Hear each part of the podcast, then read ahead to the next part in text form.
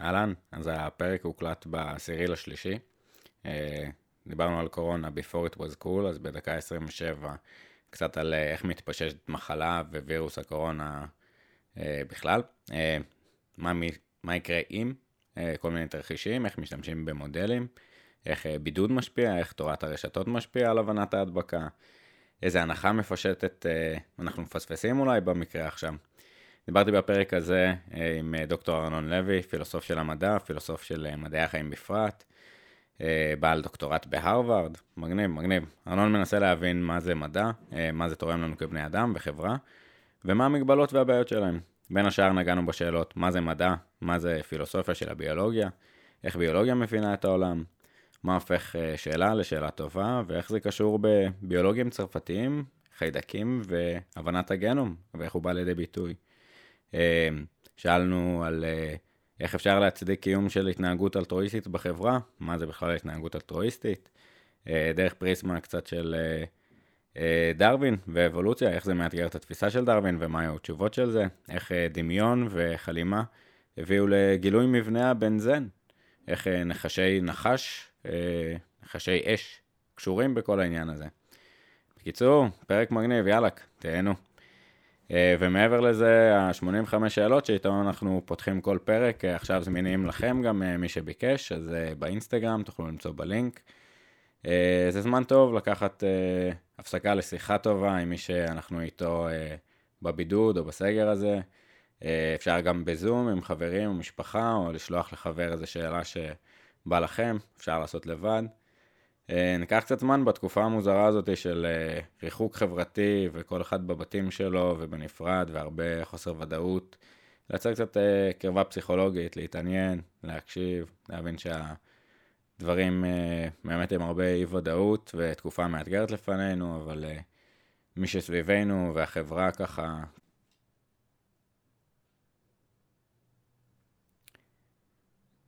וכן, אם אה, יצא לכם לעשות את ה-85 שאלות ככה עם אה, בן, בת זוג, עם אה, משפחה, אנשים שסביבכם, מוזמנים לשתף ולשלוח לחברים, ככה לא רק הווירוס מדבק, אפשר להפיץ את זה בטוב ולתת לאנשים עוד חוויה של ככה שיחה טובה ומלכדת. מי ששומע את הפרקים אז אתם יודעים שיש הרבה מאחורי ה-85 שאלות האלה מכל מיני כיווני חשיבה. מוזמנים להצטרף למסע הזה, לנסות להבין את הקסם של שאלות. יאללה, נתחיל בפרק, תהנו.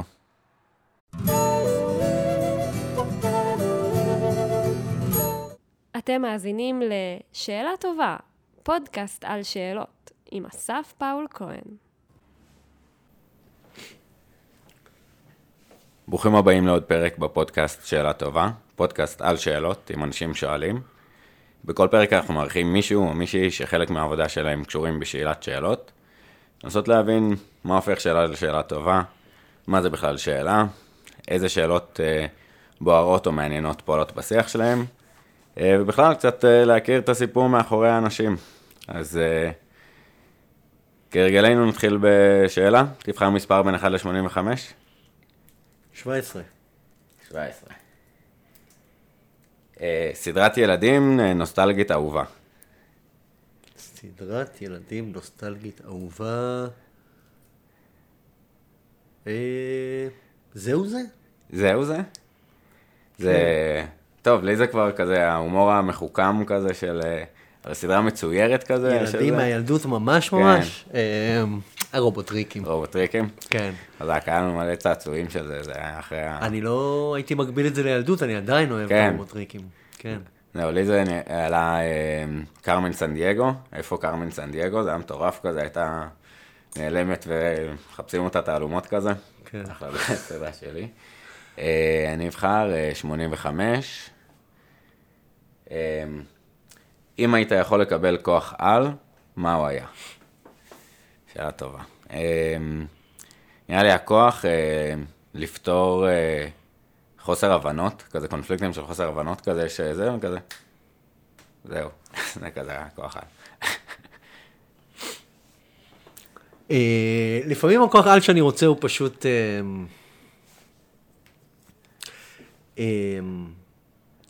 פשוט לשפר את חוויית הנהיגה. שלי בכל מיני דרכים. אתה יודע, זאת אומרת, אה, אם אני יכול שפתאום כל מי שבפקק הזה ייעלם, או האידיוט הזה יפסיק להידחף לי, אבל אה, זה, זה לא ממש כוח על, לא באמת כוח כן, על. ת- תעוף גבוה, מה שאתה רוצה. מה שאתה לא, האמת. שזה לא כוח על, הייתי פשוט רוצה להיות נורא נורא טוב באיזה מתמטיקה כזה או משהו, אבל ממש ממש ממש טוב. כן, כן, זה כבר מתקרב לכוח על, לדעתי. טירוף, טירוף, כן. כאלה ש... אה, היה, שאלתי מישהו אה, ככה, שעשה בתיכון תואר שני במתמטיקה, ככה על מה, מה הוא עושה, ואמרתי, בסדר, ת, תסביר לי, אני קצת, מקסימום אני אשלים חלק מהמילים שאני לא יודע, אני אנסה להבין, וכזה, אל תדאג, שדה אוקלידי, לא אוקלידי, נראה. ואז הוא מתחיל להגיד, ואני כזה, אוקיי, איבדתי אותך במשפט הראשון, בסדר, לא משנה, נשמע מאוד חכם, מגניב, הלוואי כן, שידעתי, כן. ידעתי, כן. אה, טוב, מגניב, אז אה, איתנו היום אה, דוקטור ארנון לוי, אה, פילוסוף של המדע ופילוסוף של מדעי החיים בפרט. התחיל את דרכו באוניברסיטה העברית, עשה את הדוקטורט שלו בהרווארד, פוסט-דוק במרכז אה, פולונסקי. אב לשלושה, רוכב אופניים, הופיע בעבר, לבוש בטונגל, עמוד של עיתון במחנה. אוקיי, סיפור מאחורי, הדברים הגיעו לידי כך, מה שנקרא. כן, ממש. אה, כתב את הספר אה, The Scientific Imagination, Philosoph- Philosophical and Psychological אה, Perspectives, מגניב. אה, חלק מהמאמרים שלו, אה, Game Theory, Indirect Modeling and the Origin of Morality, טירוף. אה, the Unity of Neuroscience, A Flat View, Modeling Without Models, וואו, מגניב. אה, אז אה, בואו ננסה גם אה, רגע להבין מה זה אומר אה, פילוסוף של המדע או פילוסופיה של ביולוגיה. אה, זאת שאלה טובה, זאת אומרת, זאת אומרת, יש, אני הייתי אומר שיש שתי, נניח, שתי גרסאות, אולי שני סוגים. אחד זה בעצם שאלות שהן על מדע, מטה מדע כזה. כלומר, איך המדע עובד בכל מיני היבטים. מה זה ידע מדעי, איך רוכשים אותו, איזה מין הבנה מספק מדע. אז אפשר לשאול את זה באופן כללי על מדע, ואפשר להיכנס, אמ, לשאול את אותן שאלות ביחס לביולוגיה או פיזיקה. אני, אני יותר קרוב לפי, לביולוגיה, אז איך הביולוגיה מבינה את העולם, איזה מין דברים, אה, אה, האם יש איזה ידע מיוחד בביולוגיה ואיך רוכשים אותו באופנים מיוחדים וכולי, אז אתה יכול לשאול את זה על מדע או על ביולוגיה. אז אלה מין שאלות מטה. אז, אז בכל אופן אנחנו לוקחים את העולם שאנחנו מכירים אה, מהאוניברסיטה, המעבדות, המקומות שבהם אוספים את הידע, ומסתכלים מנקודת מבט אולי, אה, באמת מבט ציפור כזאת, עם מבט מטה על הפרקטיקות עצמם, כן. על השיטות שבהם המדע עוסק, מה אנחנו יכולים להבין ממדע ומה לא. אה, כן, רק על ההתחלה, מה שאמרת, הייתי שם איזה כוכבית, כי יש מדע שקודם בהרבה לאוניברסיטאות ולמעבדות גם אפילו, ולפעמים דווקא זה מאוד מעניין אה, ומאוד כאילו מאיר עיניים להסתכל מה היה פעם, בייחוד בהשוואה למה קורה יותר היום או יותר קרוב לזמננו. אז אם אתה מסתכל על הביולוגיה של אריסטו לעומת הביולוגיה של המאה ה-21, אתה... זו השוואה מאוד מעניינת, או לצורך העניין תקופות אחרות. ואריסטו לא היה אקדמאי, אמנם הוא הקים את האקדמיה. הקים בסוף את האקדמיה. אבל הוא לא היה אקדמאי במובן שלה. מהראשונים ככה שחנכו כן, אפלטון כן. כזה, מה? הוא היה גם יותר אמפירי מאשר הרבה מאוד אנשים, אבל לא, אבל לא בדיוק הייתה לו מעבדה, לא כמו שיש היום. אמ, אז, מגניב, אני חושב שזו הזדמנות שאותי מרתקת קצת לנסות גם להבין את ההיסטוריה של השאלת שאלות בתחום הזה. זאת אומרת, אם אנחנו אחורה לאריסטו, אני חושב שבכלל, הוא אומר שהחשיבה האנושית והידע האנושי מתחיל בתמיהה. באיזושהי אה, שאלה שהרבה פעמים כן. משרטטת לנו את הגבול בין הידוע ללא ידוע בעצם. אמ, ויש שאלות שצצות ב- באופן ספונטני, או מעסיקות אה, אוכלוסיות של אה, אה, הסבר של תופעות מסוימות, או שאלות אה, תיאולוגיות, אפיסטמולוגיות, בוורסיות שונות, אבל נורא מעניין לראות את ה... לחשוב אולי קצת על ההתפתחות של השאלת שאלות, אם הסקרנים, השואלים הראשונים, נגיד, שאנחנו מכירים מהפרה-סוקרטים, שאלו הרבה על מה יש, הכל מים של טאלס, או הכל אה, אה, אה, אה, כל מיני חלוקה של אה, מה, מה הדברים שקיימים. Mm-hmm. לשאלות אחר כך בפילוסופיה של המדע, של לנסות להבין את מה, מה יש, אז ננסה ככה לצלול לזה גם. כן. אה, אני רק אגיד שיש לא מעט פילוסופיה של המדע שהיא בעצם רואה את עצמה, ואני גם רואה את עצמי כחלק ממנה, חלקית לפחות, כדווקא לא כל כך מטה, אלא כמו שתיארתי קודם, אלא בעצם מין המשך של המדע. אה, הפילוסופיה, אתה יודע, מבחינתם הפילוסופיה היא המשכה של המדע באמצעים לא מאוד, קצת אחרים. זאת אומרת, וזה סגנון אחר. ו... אה, לגמרי, אני, כמו שאני אומר, אני רואה את עצמי חלקית גם כן. כזה.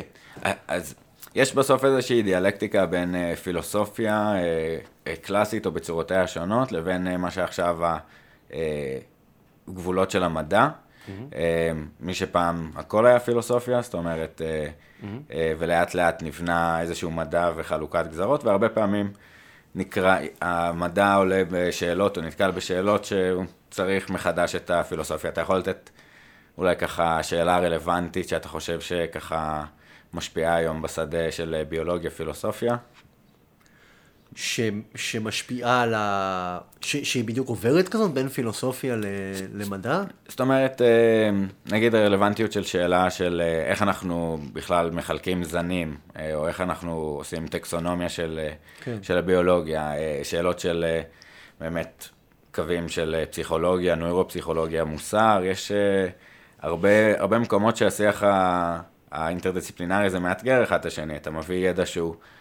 אה, אתה יודע, יגידו, טוב, מה, אריסטו אמר את זה מזמן, מה אתה מחדש בחוג לפילוסופיה אולי, אבל ב, באימפליקציה של אה, שדה חדש, זה, זה יכול להעיר בצורה שונה לגמרי, אז מעניין ככה... כן, זה, חלק מהעניין שגם מושך אותי בתחומים של פילוס... בתחום הזה של פילוסופיה של ביולוגיה, הוא שיש הרבה אינטראקציה בין דברים שהם יותר פילוסופיים, שאלות ו... ותשובות שהן יותר פילוסופיות ומדעיות. כאילו, אמ, ואפילו לפעמים אמפיריות, אז עכשיו בזמן האחרון קצת התחלתי להתעניין בשאלות שנוגעות לאבולוציה של שפה. מאיפה הגיעה השפה האנושית? האם, האם, האם בני אדם מיוחדים ב, ביכולת שלהם לשוחח, לד, ל, להבין ולייצר שפה? אמ, ואיך זה שונה מתקשורת בין בעלי חיים? אז זה, זה, זה מה שאני, למשל, חלק מהאטרקט, האופציה בעיניי זה, בשבילי, אה, זה שרעיונות מפילוסופיה מאוד יכולים להשפיע. Mm-hmm. בכלל הפילוסופיה שואלת את השאלה, ושאלה מזמן יחסית את השאלה, מה זה שפה, מה זו משמעות, מתי, מתי, אה, ו, ואתה חייב תשובות, לפחות חלקיות, כדי בכלל להתחיל לעבוד על זה בביולוגיה. אז זה למשל מקום אחד. גם דברים אחרים שנוגעים לייחודיות של בני אדם, הם, הם מקומות שבהם כאילו יש כזאת אינטראקציה מעניינת.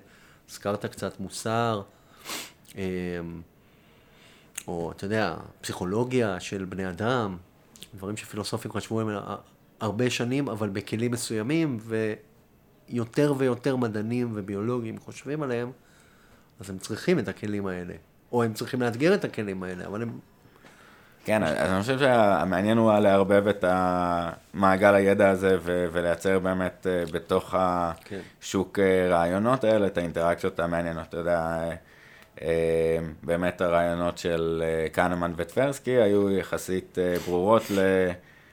לפסיכולוגים, אבל mm-hmm. ברגע שאתה מערבב את זה עם כלכלה, יצאה הבנה מאוד מעניינת בתחום mm-hmm. הזה, אז אני אומר, מגניב. אז, אז אוקיי, תמיד כאילו חשבת שתהיה, אה, אתה יודע, פילוסוף של המדע, פילוסוף של ביולוגיה, להתעסק ברעיונות כאלה, מאיפה זה התחיל? איפה הסקרנות הראשונה של ככה, התחלת הדרך? בחיות ובטבע התעניינתי מגיל די צעיר. אה, כן, ממש צעיר. הייתי הולך לחוגים ולקייטנות ולדברים האלה, ואהבתי, ולמדתי בתיכון ביולוגיה וזה. פילוסופיה לא הכרתי כמעט בכלל עד האוניברסיטה. ולא היה לי שום אה, מושג שזה משהו שימשוך אותי. אמ, אז מבחינת הנושא הזה, פשוט כשבאתי לאוניברסיטה לקחתי, החלטתי שאני אקח שנה לפני התואר, mm-hmm. ולמדתי קורסים, מה שיכולתי. אדיר. איזה 15 או משהו כזה. בכל התחומים ממש, מספרות ועד uh, פיזיקה, מתמטיקה, למדתי בזה, פסיכולוגיה, היסטוריה, כל מיני דברים. ונהניתי מרובם, אבל הרגשתי שאני הכי כאילו גם נהנה וגם מצליח איכשהו, אתה יודע, ל, ל, ל, יש לי אולי איזו יכולת ל, ל, ל, להגיד משהו או להבין יותר טוב, זה בפילוסופיה. ובייחוד זה היה בפילוסופיה שקשורה למדע, לא בדיוק של מדע, אבל שקשורה, על אה, פסיכולוגיה וקוגניציה ונפש. ו... כן, איזה אושר, כאילו, ללכת ולהסתכל בשנתון של האוניברסיטה ולהגיד, אוקיי, אני איתה מזה ואני איתה מזה, ו- ונראה כאילו איך המנה הזאת, ויש מנה שאולי נראית נורא נורא יפה, אבל בסוף היא פרווה כזה ו- ומאפנה, אז לא הולכים למקום הזה, אבל החוויה הזאת של לטעום מידע, וכזה גם באמת כשסטודנטים באוניברסיטה, אם יש לך את ההזדמנות לקחת קורס שהוא באמת קצת פחות קשור, אה, בסוף זה הכי מעשיר, ונותן לך איזושהי הסתכלות כן. שונה, כזה מגניב. אז אז כאילו בפילוסופיה, למצוא משמעות, למ, כאילו למצוא דווקא הבנה, קשה, זאת אומרת, זה דווקא רווי אה, סימני שאלה באיזשהו מקום פילוסופיה, אתה כזה overwhelming באיזשהו מקום המפגש עם פילוסופיה. אתה יודע, זאת אומרת, זה נכון, אבל uh, מצד שני, זאת אומרת, מה שעושים בפילוסופיה טובה, uh, זה לוקחים שאלות שהן נראות בהתחלה כל כך כלליות מופשטות, לפעמים עמומות, שאתה בכלל לא, זאת אומרת, אתה בכלל, או שהן לא מעניינות, לא ברורות, יכולות להיות מאוד... אה, אה, בכל מקרה לא נראה שאפשר לענות עליהן, בוא כן. נגיד ככה. במבט ראשון אתה חושב, אוקיי, אולי זה מעניין אותך, אבל התשובה לא תהיה פה. ואז מתחילים קצת להתקדם איתם, ובכמה הזדמנויות כאלה, אני זוכר בתחילת הלימודים שאמרתי, וואו, יש פה, אשכרה אפשר לפחות להתחיל לענות על השאלה הזאת. גוף ונפש וכל מיני דברים כאלה, חופש רצון, שאלות בסיסיות נורא כאלה, שחלקן הכרתי, כי כל אחד, חלקן כל אחד בעצם מכיר ברמה מסוימת. חופש רצון, אה, גוף ונפש, אני יודע מה, אה, שאלות באתיקה. פתאום ראיתי ש... רגע, אפשר אולי להגיד משהו. אז זה מאוד משך אותי. אני זוכר נניח במיוחד כל מיני אה, דברים על, על בעיית הגוף והנפש. ש... פתאום היה לי, רגע, אולי החבר'ה האלה פתרו את הבעיה הזאת, איזה קטע. כן. אחר, דווקא אחר כך הבנתי שזה לא בהכרח ככה, ש, שהשאלה עדיין נשארת, ושאתה, לפעמים זה מתסכל ממש, אבל... כן, אני חושב שזה מסע, זה כאילו, הרבה פעמים אתה כזה, וואי, אדיר, הנה הוא, זהו, הוא צודק, והוא גם עטף את זה, אה, לא יודע מה, האתיקה של שפינוזה, כתוב, משפט, משפט, הכל טוב, כאילו, כן. זהו, שכנע כן. אותי. אה, ואז אתה מוצא מישהו אחר שאתה משתכנע ממנו, ואם אתה אומר, אם משתכנע ממנו ומשתכנע ממנו, הוא פותר את הבעיה הזאתי, נשאר לך, אוקיי, יש דטרמיניזם, אבל אין חופש רצון, איך אתה מיישב את זה? כל פעם נשאר לך עוד איזשהו אה, אה, שלב כזה במסע הזה. אני פ, פעם אה, הייתי מתרגל בקורס אה, של היסטוריה, תולדות הפילוסופיה החדשה ככה, מדברים על גדולי הפילוסופיה המודרנית, זה היה בארצות הברית, והיה לי תלמיד, שבא אליי אחרי השיעור, אה, אחד הראשונים, דיברנו על דקארט, ולדקארט יש הוכחה של אה, קיומו של אלוהים, והוא בחור אה, דתי, קתולי, והוא בא אליי בהתלהבות גדולה שהוכיחו את קיומו של אלוהים, דבר שהוא האמין בו כל החיים, והוא היה נורא מרוצה שפתאום הוא למד, בעצם ניתנה הוכחה לאמונה שלו, אז הוא בא והוא סיפר לי את זה בהתלהבות, ואז הוא אמר לי, אבל תשמע, אני, אני מודאג, כי אני יודע שבהמשך הקורס לומדים את יום, ואני יודע שיום אה, הוא מפריך את אה, קיומו של אלוהים, או בכל מקרה הרבה לזה, ואני ממש דואג שאני אה, אשתכנע מיום. כן. אז אה, מאוד התלהבתי מזה, מאוד, מאוד אה, הייתי נורא מרוצה, וזה אמרתי לו, תשמע, אני לא יכול, אה, אתה פועל נכון. כן, הטיית האישו זה גם כזה, אתה יודע, אתה, אני לא רוצה יותר מדי להיקשר לדמות, כי אני יודע מה, מה קורה בעידן של משחקי הכס, יהרגו לי אותם בסוף. כן, ו... זהו, זה כזה. ו... אה, אבל נורא מעניין כמה שאתה שמח אה, על אה, מידע שהוא מאשש את הסט אמונות שלך והסט חשיבות שלך, וכמה אתה פוחד מזה, גם אם יש לך את הגירוי האינטלקטואלי או את ההוכחה הלוגית, עדיין נורא קשה לשנות עמדה, כאילו. כן. אז איזה, איזה שאלות בעצם אתה שואל בעבודה שלך? איך זה נראה? אני שואל שאלות שהן... אמ, תראה, הרבה שאלות, בפילוסופיה בכלל יש המון שאלות שהן פשוט מאז ומתמיד שם. אמ, ו- אבל, אבל זה גם מעניין, זאת אומרת, כי ההנחה של מאז ומתמיד שם, אם אנחנו באמת לוקחים מספיק זמן אחורה, אז הם לא היו שם. אה, ואז לנסות לחשוב מה...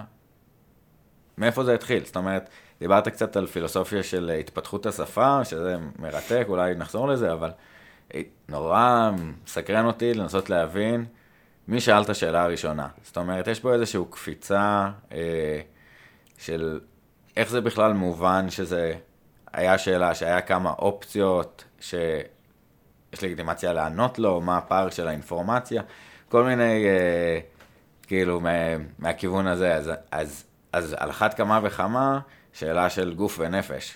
מישהו חשב עליה פעם ראשונה והתפתחה סביב איזושהי מקום, על, על, עולה שוב, יורדת אה, מחדש, אבל מעניין מאיפה התחילו השאלות האלה.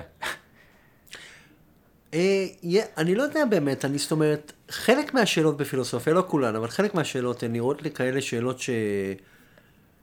אה, באמת פחות באיזשהו מובן מאז ומתמיד היו שם. אתה יודע, אני זוכר את עצמי בתור ילד, אה, מריץ בראש כל מיני תסריטים כאלה של אה, האם כולם מסביבי זה סוג של רובוטים, או כן. נחטפו. ושאלתי לאורך השנים, תמיד הייתי שואל אנשים כאילו אם זה זה, ואתה מגלה שדי הרבה אנשים חושבים מחשבות כאלה, או חופש רצון מכל מיני סוגים, כאילו האם מה שאני עושה בעצם נשלט על ידי איזה משהו, או באיזשהו אופן.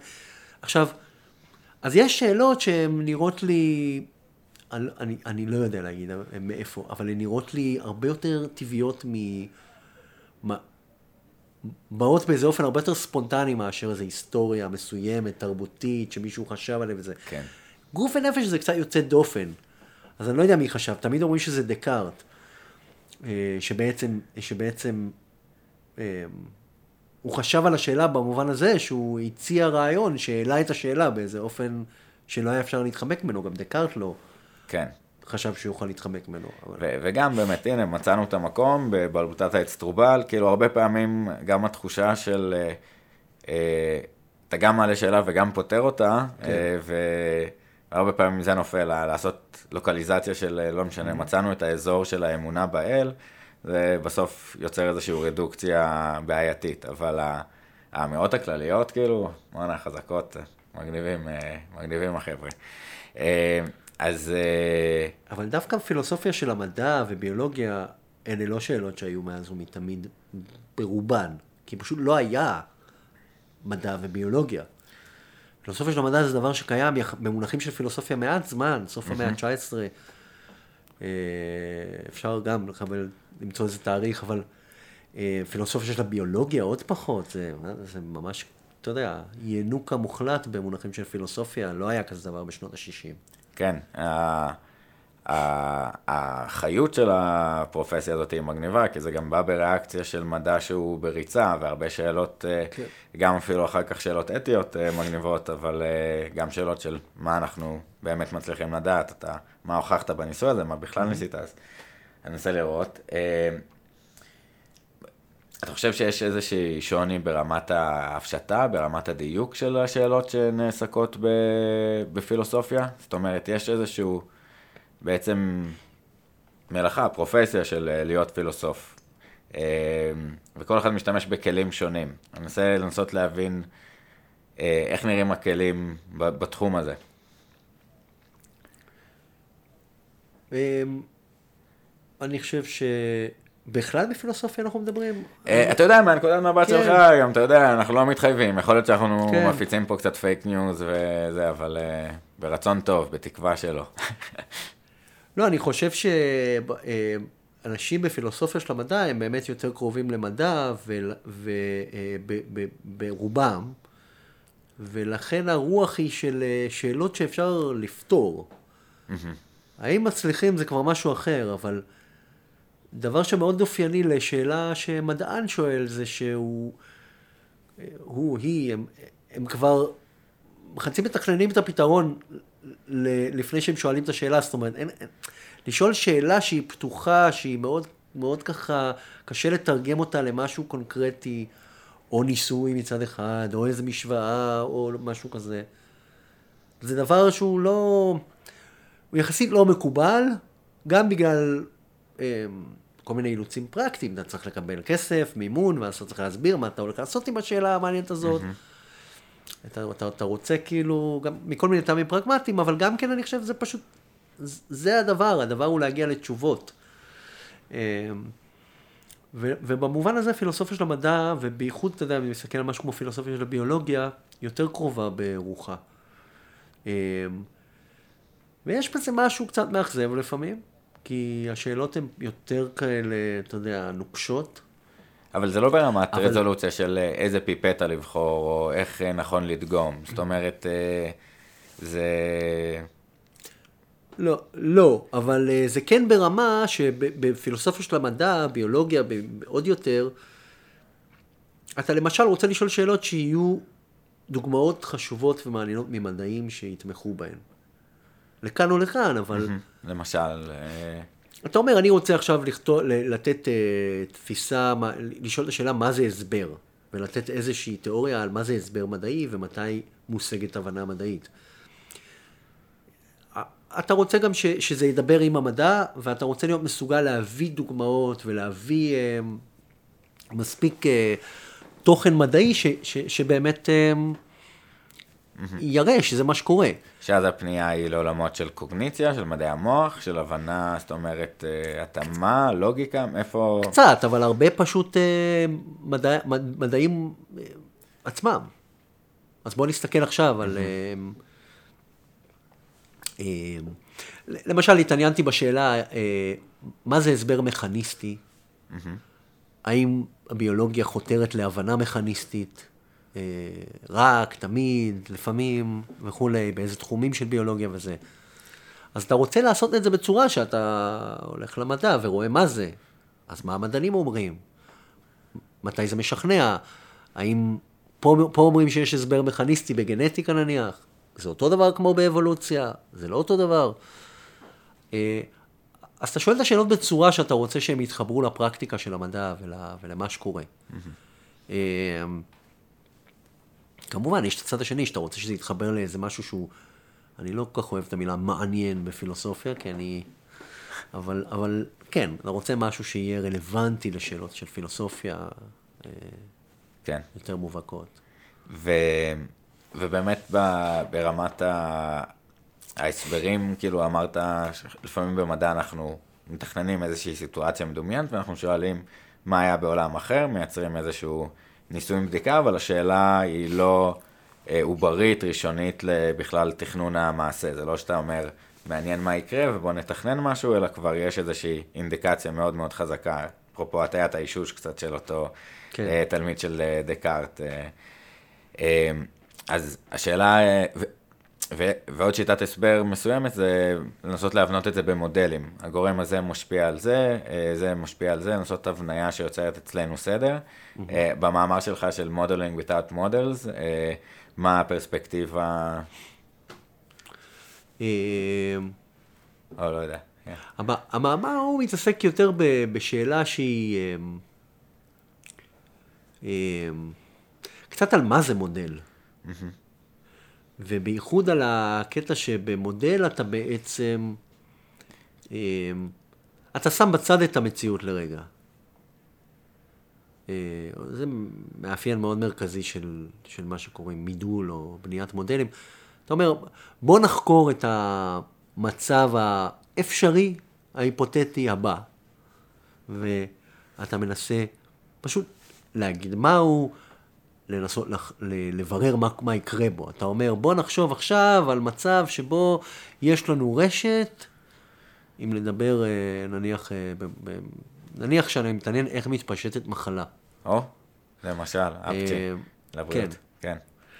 אז, אז אתה יודע, יש, מה שעכשיו קורה ב- בכל האמצעים שעכשיו אנחנו רואים נגד התפשטות הווירוס הקורונה, הם חלקית נובעים ממודלים תיאורטיים שמנסים להבין מה, מה בגדול משפיע על מחלה? עכשיו, העולם האמיתי הוא נורא מסובך, אז אתה בונה איזשהו מודל. אז אתה מתחיל לשאול שאלות כאלה, אה, והרבה פעמים אתה קודם כל שואל את השאלה, מה יקרה אם, בוא נניח שיש לי עשרה אנשים, והם נפגשים פעם ב-X זמן, ושלושה מהם חולים, וכל אה, אה, בן אדם מדביק בממוצע שני אנשים כל יומיים. ואז אתה אומר, עכשיו בוא נדמיין שאנחנו מבודדים שלושה מהם, מה קורה? ועכשיו בוא נחשוב מה קורה אם הם מתחילים, אם הם על איזושהי רשת נניח, שיש הרבה יותר קשרים בין שניים או שלושה מהם מאשר האחרים. יש מישהו שפוגש את כולם, אה, לעומת אה, האחרים שהם יותר מבודדים, וכולי וכולי וכולי. אתה יכול להפליג בזה ולשאול המון שאלות שהן על המודל, ולדמיין אפשרויות שחלקן מציאותיות וחלקן לא. באיזשהו שלב עולה השאלה, מה הבנת פה? כן, כמה אפשר לקחת חזרה למציאות את המודל שלקחת, האם יש מספיק הרחקה. כן, ויש הרבה פעמים אה, מקרים שזה ממש לא ברור. יש מקרים ששוכחים לשאול את השאלה הזאת, אפילו בתחומים מדעיים מאוד ככה, ופשוט ממשיכים להפליג לתוך העולם המודלים ושוכחים לחזור למציאות, או חוזרים כזה באופן לא מאוד... אה, כן, גם לפעמים שפה לא מספיק מובנת. אתה משיים כל מיני מיקרו תהליכים שמשפיעים בתוך המודל, וקשה אחר כך אה, לקשר את זה לשאר ה... כן, או דבר אופייני זה שאתה עושה איזושהי הנחה מפשטת ופחות או יותר שוכח ממנה. אה, או מפשטת, או פשוט, אתה יודע, אתה אומר, בוא, בוא לא ניקח בחשבון א', ב', ג', אבל בעולם א', ב', ג' הם קיימים וצריך לקחת אותם בחשבון. כן. ואז אתה מתחיל, אה, המודל שלך נראה מצוין. אתה שוכח כמעט ש... כן. זה דבר שקורה. לא להרוס אה, סיפור טוב עם עובדות, תמיד בדיוק, אומרים. כן. כן. אז... אה, כן, אז אלה, אלה, אני יודע, אפשר לחשוב על זה כשתי דרכים ככה להתקדם ב... ב זאת אומרת, יש לך את הדרך שאתה פשוט, פשוט מברר מה קורה במודל, לעומת כל הזמן לשאול כמה התיאוריה שלי טובה ביחס למציאות. אותי, כאילו, אתה יודע, אחת השאלות שהעיפו אה, בעצם בקורס שלך, שלקחתי של אה, התנהגות, אבולוציה, התנהגות ומוסר, זה באמת היה יום חופשי כזה, היה לי רק את הקורס הזה בגבעת רם, ללכת ברגל, ועפתי, והעיף לי את הסכך. אז התחלנו במין, אוקיי, אה, אבולוציה, נעים להכיר, אה, קצת הגורמים, ו... ואז שאלה שאותי מאוד כזה הפתיעה, אה, אז איך אנחנו יכולים להסביר אה, אלטרואיזם או התנהגות אה, הדדית? אה, וזה היה מגניב, כי כאילו מצד אחד אנחנו אומרים, אוקיי, נכון, אה, מקבלים אבולוציה, אז בעצם אולי אה, יותר נעזר בך להגדיר קצת את המושגים שאני אחטא, אבל מאבק בין סוכנים שונים, גופים שונים, ככל שיש לך יותר משאבים, יש לך יותר כשירות להתרבות ולהעביר את המטען הגנטי, והתנהגויות שמעלות את הכשירות או את המשאבים ימשיכו לאורך זמן, משהו כזה. Mm-hmm. ואז הם מגדירים אלטרואיזם, אז אה, איזושהי פעולה שהיא פוגעת בך ומעלה את הכשירות של אה, סוכנים אחרים. אתה אומר, בואנה, לא הגיוני, זה אסטרטגיה אבולוציונית שאמורה להיכחד. ואז איזשהו מסע מטורף כזה של, של הקורס, לנסות לענות על זה. אז תספר קצת כאילו איך נולד הזווית הזאת של הקורס, גם מבחינתך, קצת על ה... השאלה היא... אמ, או לפחות זה כן, הזווית שלי. לא, כן. השאלה של איך יכול להיות שיש אלטרואיזם, היא כבר עלתה אצל דרווין, היא די מהר, אמ, די מהר היא הכתה בו כשאלה שמעוררת קשיים. היום, או יותר מאוחר, התחילו לחשוב שהיא מעוררת ממש קשיים מאוד מאוד דרמטיים.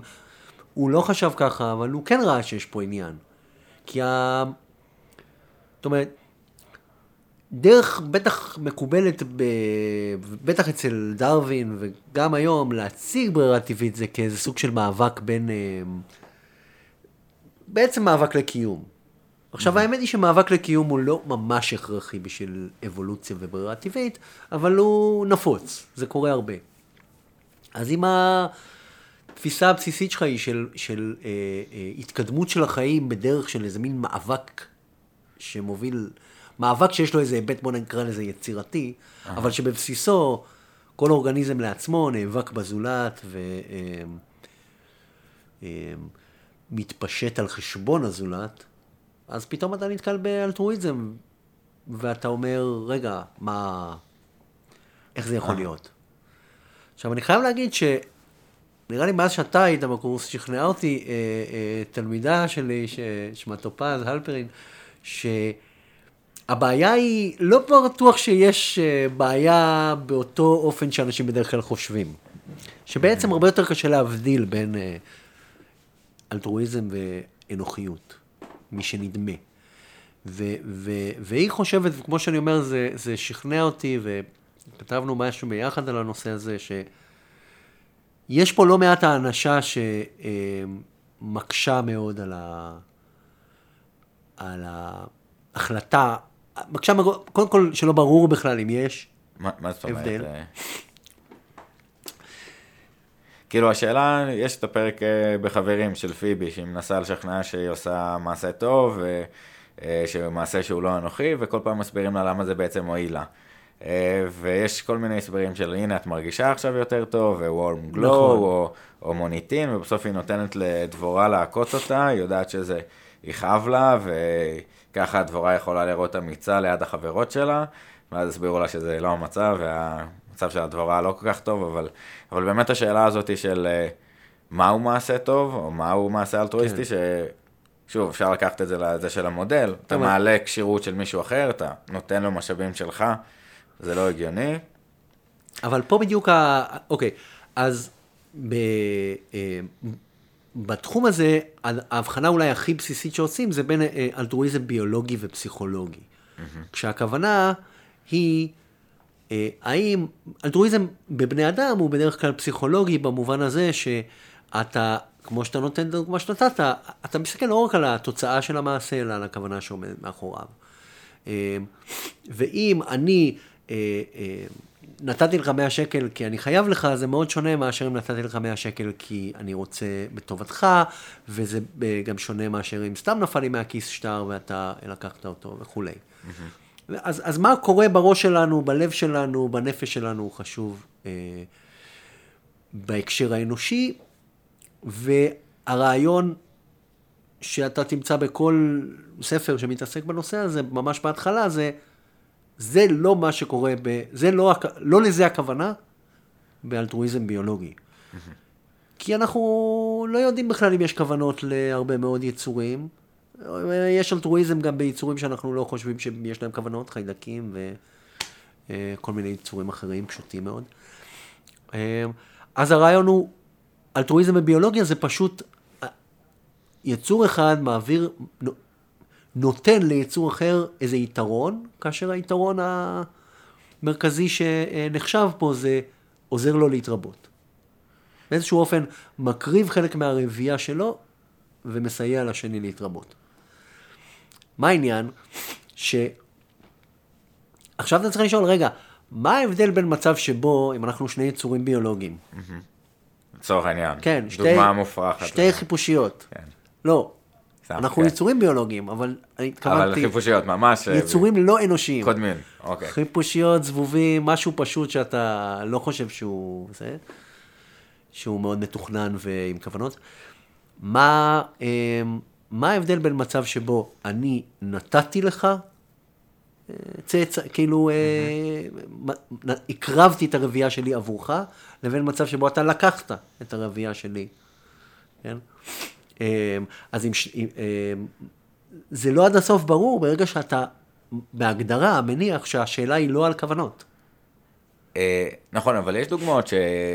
שהכוונה באיזשהו מקום אה, עולה, זאת אומרת, נגיד אה, סוריקטות שמסתכלות אם יש תוקפים. עדיף לך לברוח. ולהתחבא, מה אתה עומד וצועק במקום ישר לברוח? אז, אז זה כבר אולי ב... בפריזמה של אה, אבולוציה של הקבוצה, שהיא תעודד התנהגות מסוימת, או... אה, כי כאילו, אני אומר, יש פה איזושהי כוונה, יש איזושהי עמידה של מודעות של לדעת שאתה מסתכל לאויב, אתה מתריע בפני הסובבים, יש אה, עניין אולי אחר כך של, שאפשר להסביר את זה עם מוניטין, אבל... לא, אה, תראה, אתה יכול... אני לא אה, מנסה להגיד שאין, אי אפשר למצוא כוונות או משהו שהוא מספיק דומה לכוונות מעולם החי, מעבר לבני כן. אדם, וזה בטח מיצורים, סוריקטה זה יצור די מתוחכם יחסית לחלק כן. מהיצורים שמבצעים אלטרואיזם. אה, אבל אתה צריך פה משהו ספציפי מסוים, אתה צריך את הכוונה לעזור. זה לא אותו דבר כמו, אני מסכים איתך, אתה רואה סוריקטה והיא עומדת והיא מסתכלת סביב, והיא אולי מש... בורחת בזמן, או משמיעה קריאה בזמן. זה נראית התנהגות, אני לא יודע אם הייתי קורא לה התכוונותית, אבל מוכוונת מטרה. כן. אין ספק שיש לה, יש פואנטה. אה, אבל אתה רוצה עוד, כשאתה מדבר על אלטרואיזם ואתה אומר אלטרואיזם זה משהו שהוא אמיתי בטבע, אתה רוצה גם את הכוונה הזאת, ההדדית הזאת, הכוונה של... וזה כבר פחות ברור שיש. פחות ברור אפילו עד הסוף למה הכוונה. אבל, כמו שאני אומר, זה משהו ששכנעו אותי יחסית לאחרונה שהוא ככה, אוקיי. והוא לא מקובל.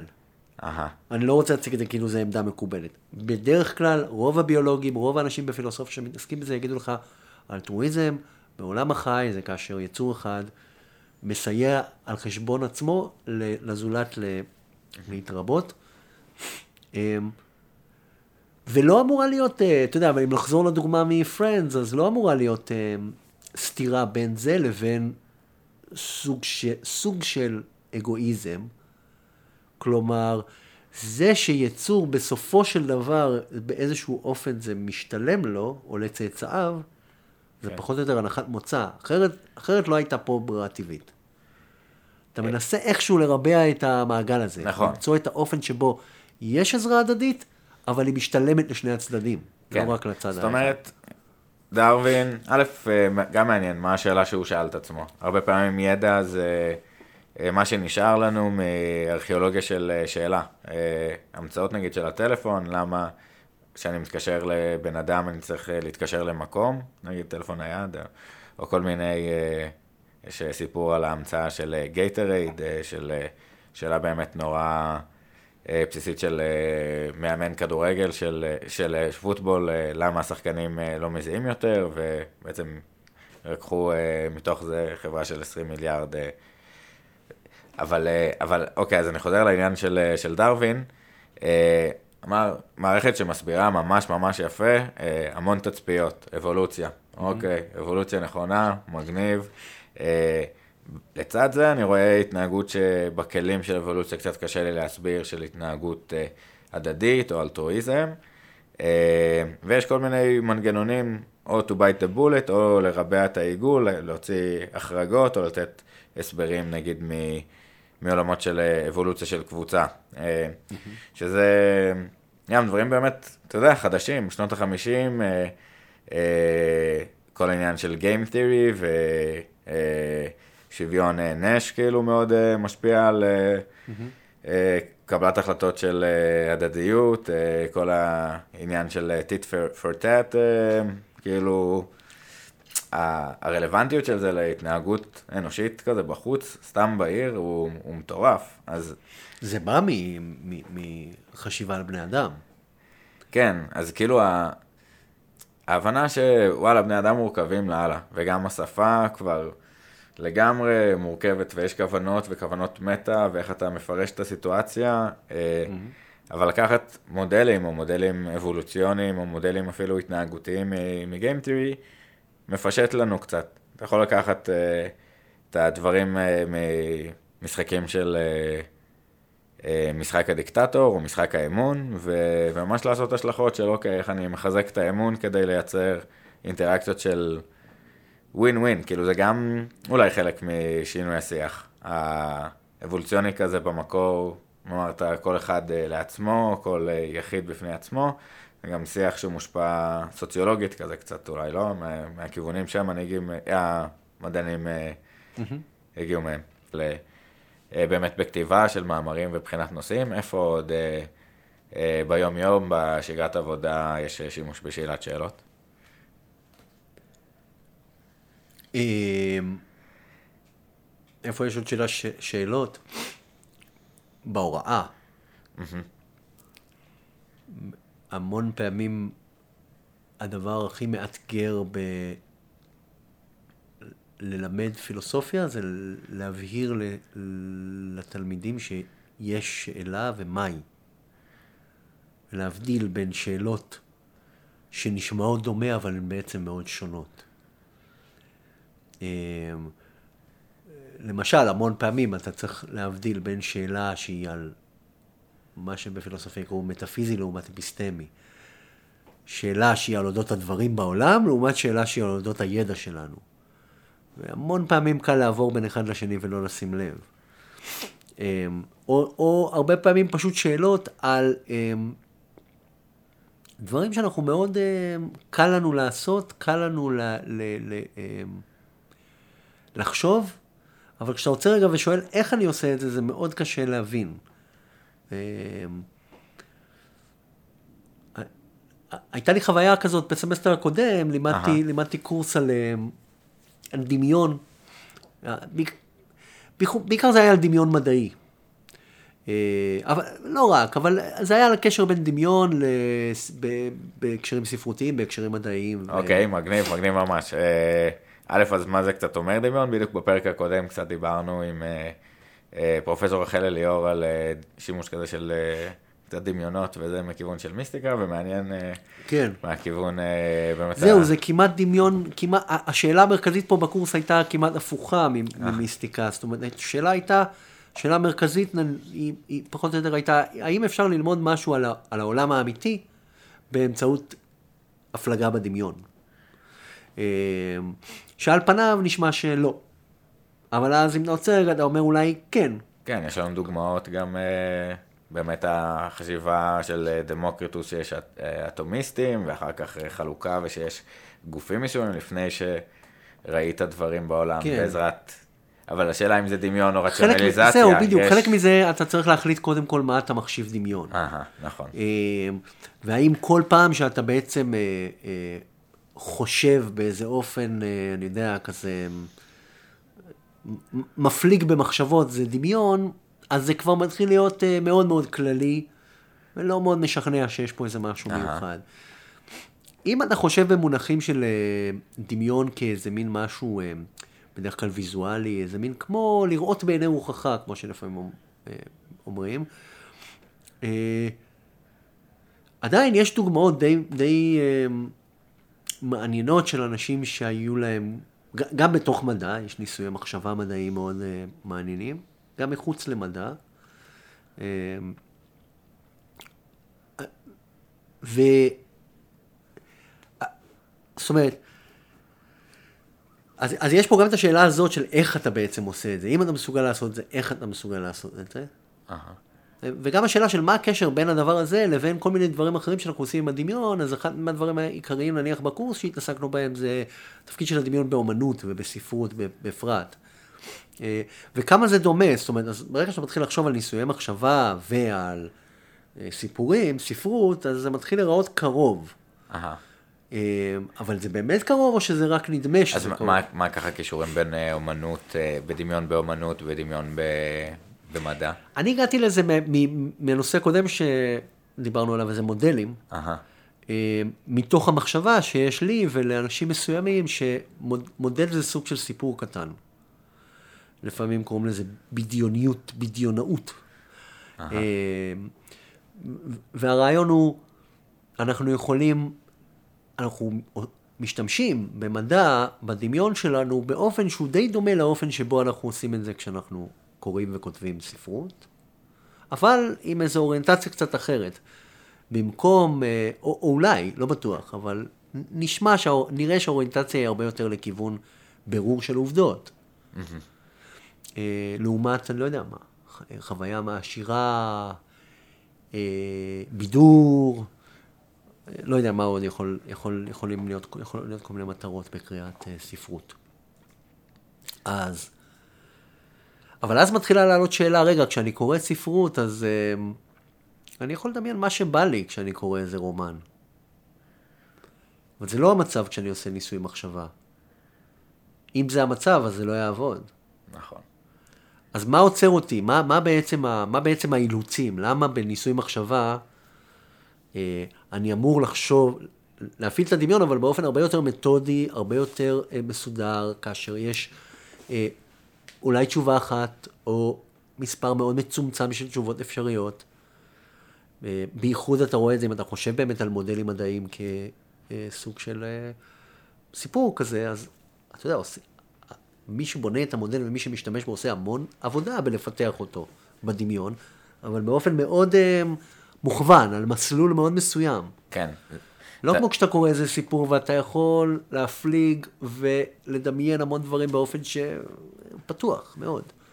יש, יש איזשהו מהלך של אה, דילוג על כנפי ענקים. זאת אומרת, אתה בנית איזשהו אה, שאלה, היפותזה של משהו יסודי של איך, אה, איך הדברים עובדים בעולם, אה, ושימוש בפריזמות שונות של אה, ענפים שונים שאתה נעזר בהם. השורשים האלה זה מצד אחד אה, מגביל אותך במדע, ו... כן, צריך למצוא את הסימוכים ו- ואת המאמרים הקודמים שנעשו בתחום, אבל זה גם מה שמאפשר את, ה- את החידוש של זה. ב- בדמיון ספרותי זה באמת משהו שהוא יותר חופשי, אתה נותן אה, יותר דרור ל- בניסוי המחשבתי, תרגיש מה שאתה רוצה. ואולי ניסוי מחשבתי גם מעניין אותך, כן, מה האופציות השונות שיה- ש- שיש, מה התשובה... לא יודע מה, אה, מכונת העונג של נוזיק, אם להתחבר למכונה שאתה חווה את כל החיים שלך אותו דבר, אבל עם 20% יותר אושר. Mm-hmm. אתה רוצה או לא רוצה? אז אפילו שאלה כביכול סגורה, אה, אבל מתוך ה... זומח כזה. אבל יש דברים מפתיעים.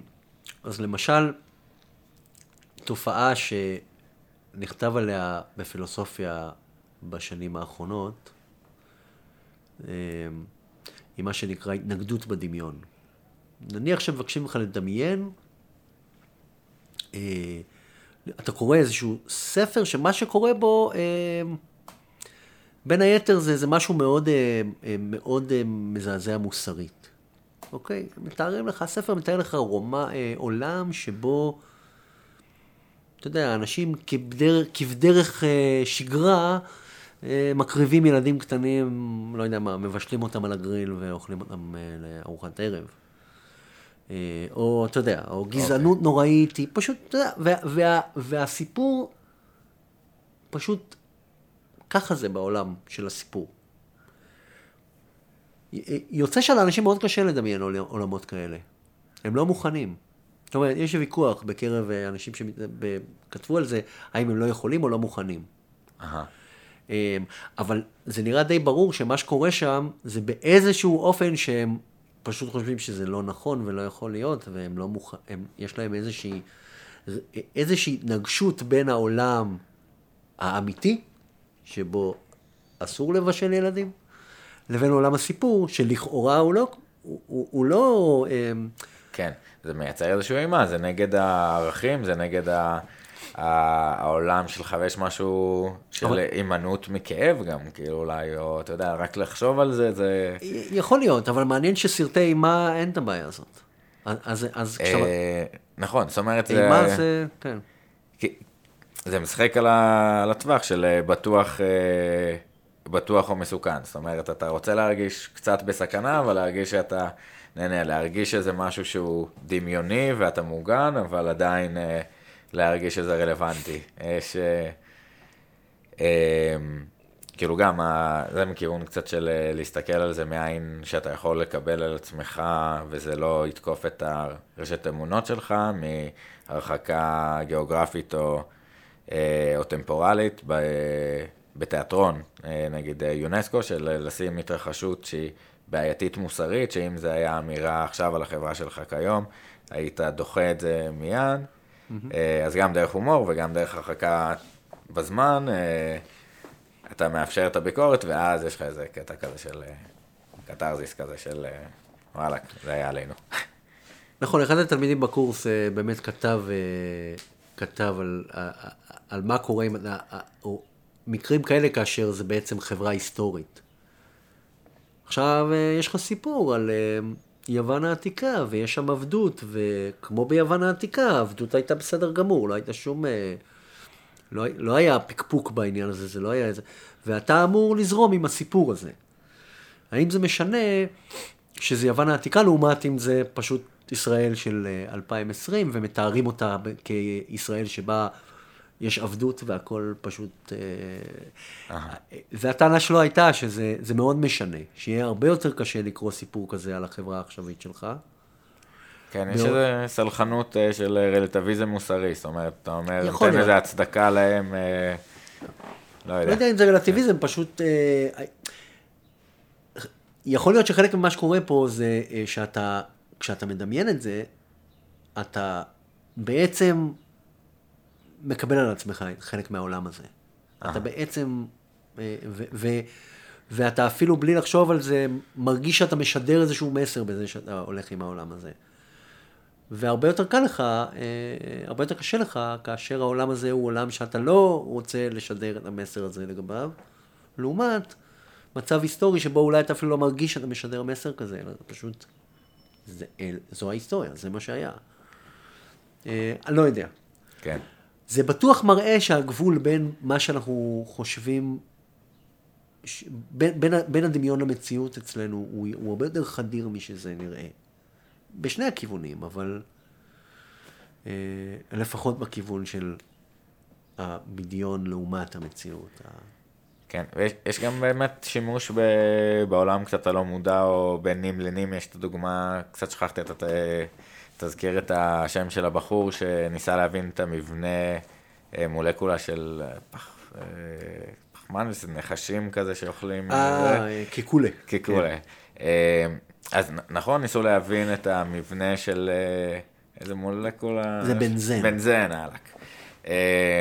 ואז הוא נרדם מול, ה... מול האח. כן, וראה את ה... ראה שני נחשים, זה, כן. מה, אגדה או זה קרה? מה אתה אומר? אני חושב שמשהו מהסוג הזה קרה. כן. אני אגיד לך למה אני חושב שכן, כי בהתחלה הוא לא סיפר את הסיפור הזה, ורק כשהוא נהיה מפורסם מאוד... הרגיש בנוח. הרגיש בנוח, כן. כן. יש את העניין הזה של באמת פגיעות כזה של... אני חושב שזה זה, זה מראה שזה... זאת אומרת, אני חושב שהוא עצמו סיפר את זה באיזה כנס, אה, כשהוא כבר היה זקן, עשו איזה כנס לכבודו. הוא כבר היה מפורסם, זקן ומפורסם, ואז הוא סיפר את זה. אבל יש כל מיני, ויש כל מיני גרסאות. אבל... אבל אה, נראה לי כאילו שהיכולת הזאת היא בכלל של מדענים או של פילוסופים של לראות אה, איזושהי אנומליה ו... אה, ולנסות להבין אותה, בין אם הדוגמה של קרתה או לא קרתה של ניוטון והתפוח, ולהגיד אוקיי, mm-hmm. למה זה קורה, או אם רואים אה, שכבה של אה, כחוליות שעושים אה, פוטוסינתזה באזור בלי חמצן, להגיד, רגע, זה לא אמור להיות פה, ו... ולנסות להבין כזה מאיפה זה קורה. סתם מעניין אולי ככה לשאול מה השאלות ש... שכזה השאירו בך רושם מדענים מסוימים ש... אתה יודע, מדען שאתה מעריך ועבודה ש, שהוא עושה. אה, מדען שאני מעריך ועבודה שהוא עושה. אה, יש כל מיני, יש כל מיני דוגמאות, אני... כן. דווקא הרבה פעמים מה שמרשים אותי זה דברים מאוד ספציפיים, קטנים כאלה. לא תמיד אני אפילו זוכר את השם או את הזה, אבל נניח לפני כמה שנים אה, נתקלתי באיזה מאמר, היה באיזה נייצ'ר או משהו כזה, אבל מאמר קטן שהסביר אה, איך, אה, נכון, אם אה, יש הרבה צמחים שיש להם אה, קנוקנות. אהה, כזה הזרועות הקטנות כן, שתופסות את ה... כן, מסתלסלות כאלה. כאלה זרוע, זרוע מסתלסלת שמתלפפת סביב איזה נניח ענף, ואז הם מטפסים עליו. Mm-hmm. אה, אז היה מאמר שלם בנייצ'ר על אה, איך הקנוקנות של אה, מלפפונים מסתלסלות ומאפשרות לצמח לטפס. ומה שהיה מאוד נחמד בזה זה שהם פשוט פתרו את הבעיה לגמרי. הם לקחו איזה בעיה מסוימת, קטנה, לא תגיד איזה בעיה שהולכת לשנות את האנושות, אבל זה היה פשוט מין masterpiece של לקחת שאלה לקחת כזה מין, מין אה, פינה קטנה ומסקרנת של איזה בעיה, ופשוט הם עשו מודל מתמטי, הם עשו כל מיני סימולציות, הם בנו מין, הם לקחו מקלות של ארטיק והם... אה, ארט, מקלות של ארטיק וגומי כאלה, שהם עשו שם איזה מין, כמו מודל, כמו שעושים בשיעור מלאכה. הכל היה בנייצ'ר כזה תמונות של המקלות ארטיק שלהם וזה, וזהו, סגרו את הסיפור. אז זה מאוד הרשים אותי. מגניב, לקחת דברים ברצינות. זה גם, זה גם מעניין לקחת את הכלים הכבדים שיש של מודלים מתמטיים ובניית זה, על, על פשוט בעיה שהיא כאילו נורא פשוטה, אבל הנה, ככה אנחנו יכולים להבין אה, בעיה פשוטה. בואו ניקח את זה, לעשות תוקף חיצוני לדברים אחרים, יותר אה, מלוכלכים, או יותר שהנתונים הסטטיסטיים אה, כן. בבלאגן, מגניב. אתה גם אף פעם לא יודע, אולי יצא מזה משהו, לך תדע, הקנוקנות האלה אולי הם אמצעים מאוד אפקטיביים, ואחרי זה אנחנו נצליח להגיע לירח איתם, אני יודע מה. כן, יש אה, אמרה של ברטי, לא זוכר מה, שכזה היה נשיא האוניברסיטה ב-NTU, של אין דבר כזה אה, מדע בסיסי, יש מדע שעוד לא מצאו לו שימוש. זאת אומרת, גם כשאתה עושה באמת אה, דברים שאתה אומר, למי, למי זה משנה, למי זה אכפת, אז אה, כן, תורת המיתרים, אה, שכזה, חשבו שזה סתם, ובדיוק, אה, כן. אה, אוקיי, אז אה, לפני שנעבור לשאלות מהקהל, מעניין קצת לעטוף את ה... את ה עיסוק אה, בשאלת שאלות, לנסות באמת לשים על השולחן, מה לדעתך הופך שאלה לשאלה טובה בשדה שאתה פועל בו? מה הפרמטרים של שאלה טובה? אני, אני חושב שהשאלה, אם השדה שאני מתעסק בו הוא נניח מדע או, או חשיבה על מדע, אז אני חושב שזה באמת אה, מאפיין מאוד מובהק של מדע, שאתה שואל שאלה ש... אפשר לענות עליה. אמ, ויש אפילו אנשים שיגידו שאלות שלא ניתן לענות עליהן, לא ברור שהן בכלל בתחום המדע. אני לא יודע, זה אולי קצת מוגזם, אבל... אמ, אבל מצד שני, אתה לא רוצה, אה, אה, אני חושב ששאלות ממש טובות הן לא שאלות שדי ברור איך אתה תענה עליהן. זאת אומרת, שזה מין... אמ, תרגיל די מכני לענות עליהן. אה, אז השאלות הממש טובות הן איפשהו באמצע. אז אה, נניח שאלה מאוד חשובה ביחסית בתחילת הגנטיקה שעלתה, ושבאמת הצליחו לפתור אותה, לפחות בקווים כלליים, זה איך הם, יש לנו המון גנים. חלקם, אבל רק חלקם הקטן פועל בכל מקום או בכל זמן. איך, איך, המע, איך המערכת הזאת יודעת, במרכאות, או לא במרכאות, להפעיל את הגנים האלה והאלה בעיניים שלך, אבל גנים אחרים לגמרי ברגליים שלך, או בשיער שלך, או בלב. אה, גנים מסוימים כשאתה בן שנה, וגנים אחרים כשאתה בן עשרים. אה, עכשיו... שאלה טובה. שאלה מאוד מאוד טובה. בין היתר היא מאוד מאוד טובה, כי... אה, בגלל מה שאמרתי קודם, כי אנשים, אה, ספציפית זה ביולוגים צרפתים, שהיום הם מאוד מפורסמים, ז'קוב ומונו, אה, הם, הם, הם, היה להם, הייתה להם זירה לעבוד עליה, אה, על הבעיה הזאת, וזה הזירה של חיידקים. והם הם, הם ידעו, לא מראש, אבל הם, היה, הייתה להם תוכנית טובה איך הם יעבדו הם, על הבעיה הזאת בחיידקים. הרבה פעמים זה מה שאתה עושה, אתה שואל שאלה ואתה מוצא זירה שפשוט, או איזשהו מודל, אפשר קוראים לזה מודל, שפשוט לענות, על, יחסית פשוט לענות על השאלה. אז זאת שאלה מאוד מאוד טובה. היא טובה גם כי ברור, שהיא, ברור, ברור מה העניין בה, ברור למה היא, היא מרכזית, גם מצד שני, כי אתה יודע איך להתחיל אה, להתקדם איתה.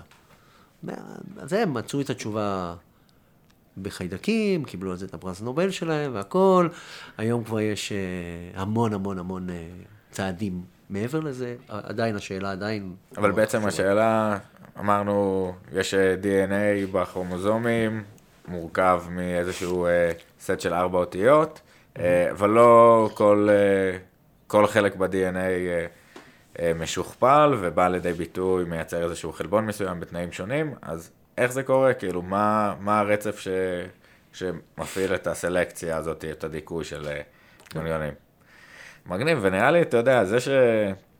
הנה, השאלה הזאת, כמה דרך אנושית מטורפת היינו צריכים לעבור כדי שהיא תישאל מהשאלה של מה יש, הכל מים, או בכלל השאלה הראשונה של איפה כן. אוכל. אה, והמידול של, אה, כן, המורכבות של האינטראקציות והעבודה המחקרית, אמונית של, אה, כן, בדיוק, להצליח להבין איך DNA כן. עובד, מגניב. אז כן, שאלות טובות כנראה נוספות. יש איזו שאלה שאתה זוכר שתלמיד שאל, שהייתה טובה במיוחד, או שערערה, או גרועה במיוחד? שאלות גרועות לצערי יש יותר. לא, אני לא יודע אם שאלות גרועות, הן שאלות שאתה, לפעמים הן שאלות שאתה מבין שאתה פישלת, זה קורה די הרבה. עכשיו, אם הוא שואל את השאלה הזאת, סימן שאני לא הסברתי בכלל טוב איזשהו עניין. אמ, היו שאלות, דיברתי על הנושא הזה של בדיון, דמיון, שכבר, אני כמה שנים כבר מתעסק בו, ובעבר כשלימדתי אותו, אמ, זה לא בדיוק, כן, זו שאלה, עלו שאלות שגרמו לי להבין שאני בכלל לא מסכים עם ה... עם הנחות יסודיות של, ה... של מה שפילוסופים אומרים על הנושא הזה. כל מיני אנשים, וזה היה חלקית השאלה וחלקית הניסיונות שלי לענות לשאלה, כשהבנתי שרגע, למה בכלל, זו שאלה טובה מאוד, למה יש הנחה שזה ככה ולא אחרת. בהקשר הזה עלו המון... אה, לא המון, אבל כמה וכמה שאלות כאלה, ואני חושב שזה לא מקרה גם, כי זה מין דבר שאנשים, אתה לא צריך להיות מומחה לכלום בשביל להב, להבין את החוויה של לקרוא ספר. כן. ול, ולתת עליה, אתה יודע, איזושהי, איזושהי דין וחשבון כזה בסיסי. כן, גם, גם המפגש האישי של אה, עולם אסוציאציות של הסטודנטים, ואני חושב שמה שקסום גם במה שאמרת, שהרבה פעמים השאלות דווקא התמימות, הכביכול אה, אולי טיפשיות, מאתגרות את הנחות הבסיס של שאלה של ילד של אה, למה השמיים כחולים, כזה, סתום, מה, אה, טוב, שאלה טובה בעצם, בואו ננסה להבין למה הם לא סגולים, ואורכי גל ו... ועניינים כאלה, אבל כן, מהו הטוב, מה זה, סתום, היי, וואי, בעצם שאלה טובה. אז אה, אה, יש גם כאילו שאלות אה, על הצד הפחות טוב, אני זוכר אה, סטודנט שתמיד אה, הרים את היד, וכשיש הרבה בפילוסופיה מושגים שנזרקים לאוויר, אפיסטימולוגיה, תורת ההכרה, אתה לא מבין בהתחלה, קצת קשה, אז כל פעם הוא היה מרים אה, את היד אה, ואומר את המילה, סימן שאלה, זה היה ככה אה, מקרן אה, אנושי. אה, ואז היה שיעור אה, ש... דנו על חלקים בנפש של אפלטון, ויש משהו עם uh, מישהו שהוא uh, נקרופיל, uh, אוהב גופות. אז הוא פשוט הרים את היד באולם 300 וצעק נקרופיליה, עם סימן שאלה, והיה צריך להסביר במשך שתי דקות מה זה נקרופיליה. כן. טוב, דווקא בטח נהנו, חלק מהקהל כן, נהנה. לגמרי, הנה, זה זכור עד היום, אז יכול להיות שזה היה שאלה טובה בכל זאת. מגניב, אז אמרנו שאלות תמימות שמערערות אה, הנחה, לפעמים, כן, יש לנו כאילו שאלות של סטודנטים שהם, כזה יש בורות אה, פלורליסטית, כנראה שרק אני לא הבנתי, אז לא שואלים שאלות שהן לפעמים בסיסיות וזה כן. משתקף, ואז ככה פערי אינפורמציה בין המרצה לכיתה. אה, אבל כאילו הרבה פעמים יש את הקישור בין, אה, יש מישהו שלא הבין, יש מישהו, אה, יש למישהו שאלות, והרבה פעמים, כאילו, אני רוצה לקרוא על זה תיגר של... מי שהכי הבין, כאילו, בטח יש לו את השאלות הכי מעניינות. כאילו, מישהו הבין? יש לכם שאלה על, כאילו... אז קצת... אה, כן. אני משתדל באמת לא לשאול את זה ככה, אני משתדל לעצור כן. ולהגיד, יש למישהו שאלות, הערות, ביקורות. כן. לא להניח ששאלה או, או ביקורת נובעים מהבנה או מאי הבנה. כן. גם אני חושב שהרבה פעמים, זה תלוי קצת מהנושא, אבל יש הרבה פעמים הבנה שהיא יותר אינטואיטיבית והיא... חלק מהמחסום הוא לנסח, ולא, זה לא שאין שם הבנה או אי הבנה או שאלה, או אי, המחסום הוא לנסח את זה, בייחוד לנסח את זה בשפה שמקובלת ב, כן. באיזשהו עולם שאתה לא, אתה לא חלק ממנו, או, או אתה רק רגל אחת בתוכו. שזו שאלה מאוד גדולה, כאילו...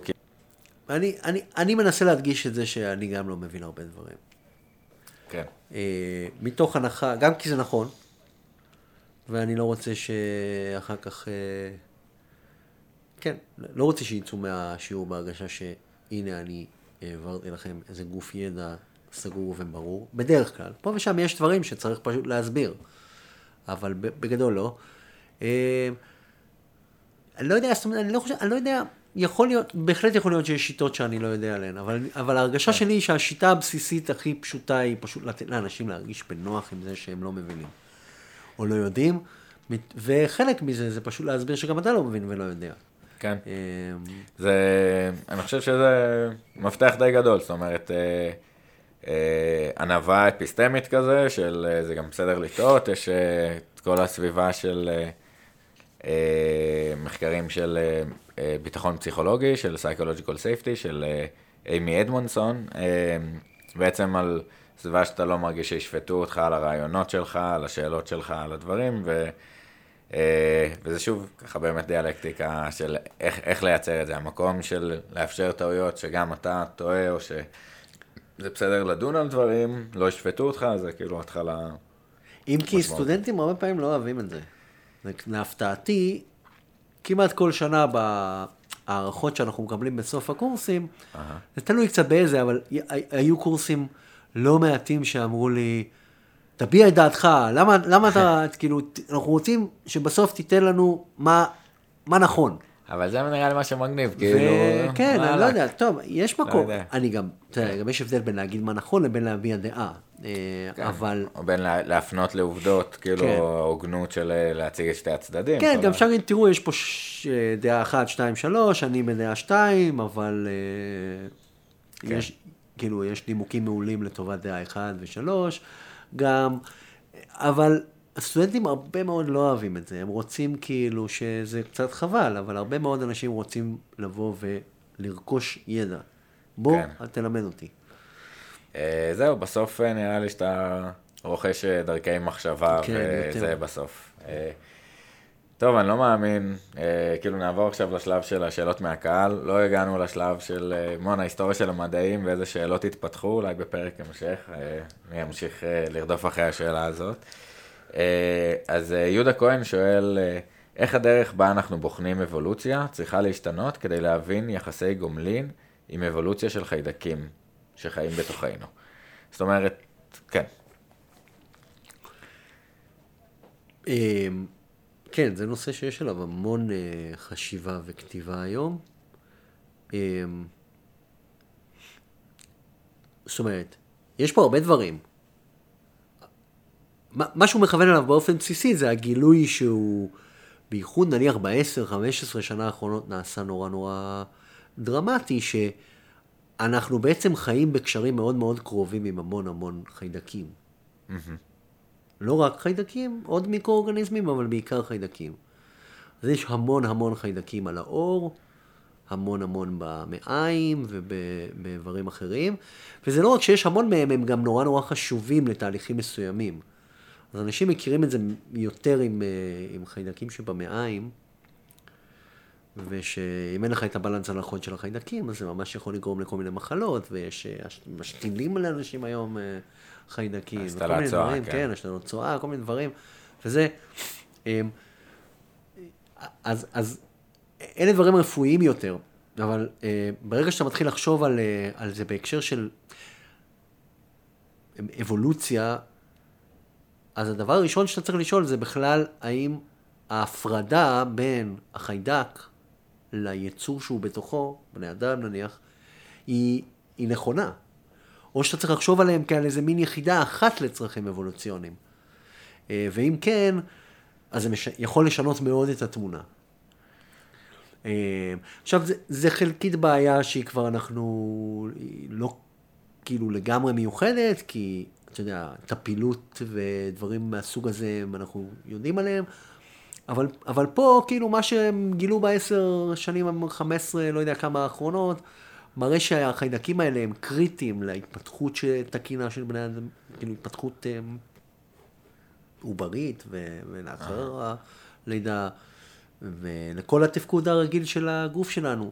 יש ויכוחים על ההשפעה של זה על, ה, על המוח ועל כל מיני uh, דברים פסיכולוגיים, אבל, אבל בטוח שזה משפיע מאוד על, היכולות שלנו להילחם בחיידקים אחרים, על מערכת החיסון, או כל מיני דברים.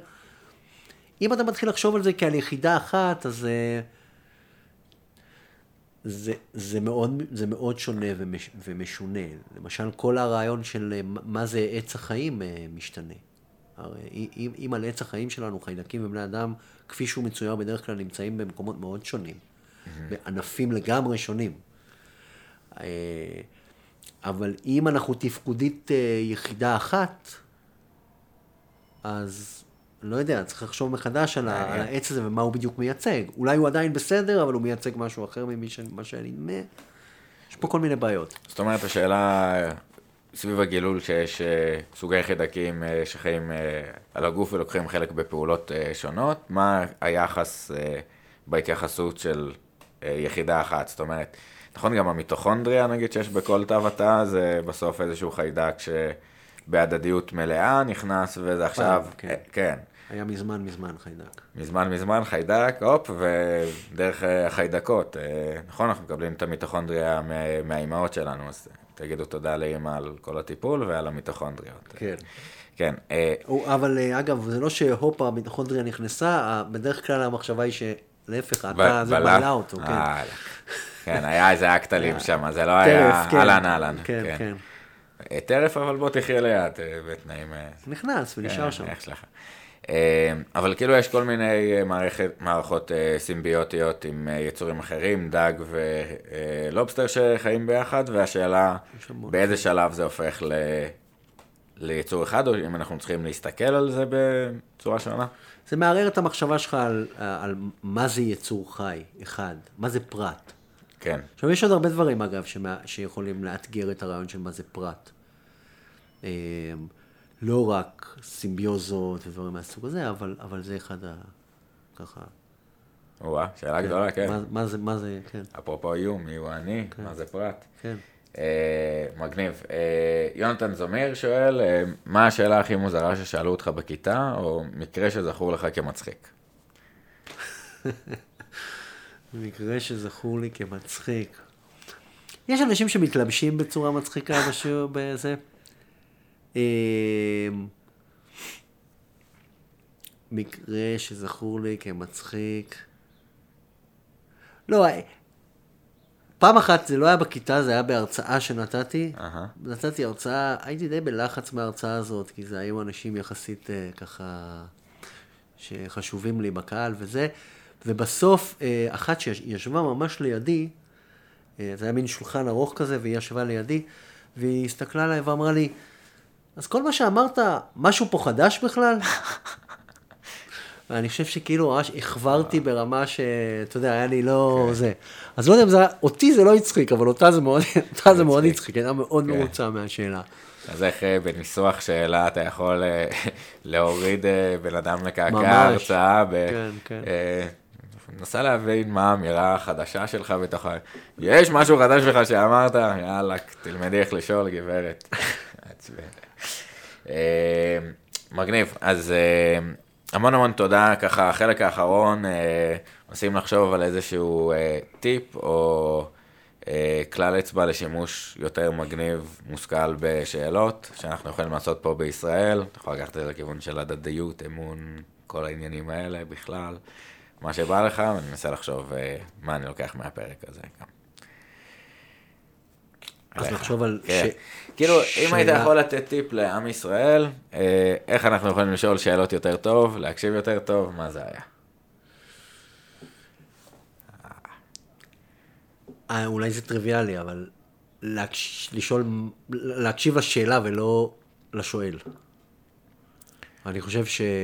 אני חושב שהמציאות אה, שלנו, לא רק פה, אבל גם פה מאוד, היא מציאות שבה אנשים מקשיבים, לש... אנשים מזהים את השואל ופחות מתעניינים בשאלה. או עושים המון הנחות על מהי, הש... מהי השאלה, מהי התשובה, מה היא שווה, מה היא זה. וגם אני חוטא בזה לפעמים, אבל זה נראה לי על הפנים. כן, אני חושב שהמאבק בהטיות כאלה זה בעיקר אה, גם המודעות. אה, כן. וגם אה, בדרישה, בואו נדבר אה, דיבור שהוא יותר אה, שכלתני, סביב שאלות מוגדרות היטב, ברורות, יש לך את הדעה שלך, יש לך את הדעה שלך, סתם זה אני ככה, ב, עוד בעניינים של הפוליטיקה, שיאללה, ת, תפסיקו עם הדעות שלכם, תפסיקו לתקוף אחד את השני, מה השאלות שאתם רוצים להתרכז בהן, מה הדעות שלכם, על מה אתם מסכימים, רוצו. זה גם בפוליטיקה, אבל זה לא רק בפוליטיקה, אגב. אני, אני מתכוון לזה גם מזוויות לא פוליטיות.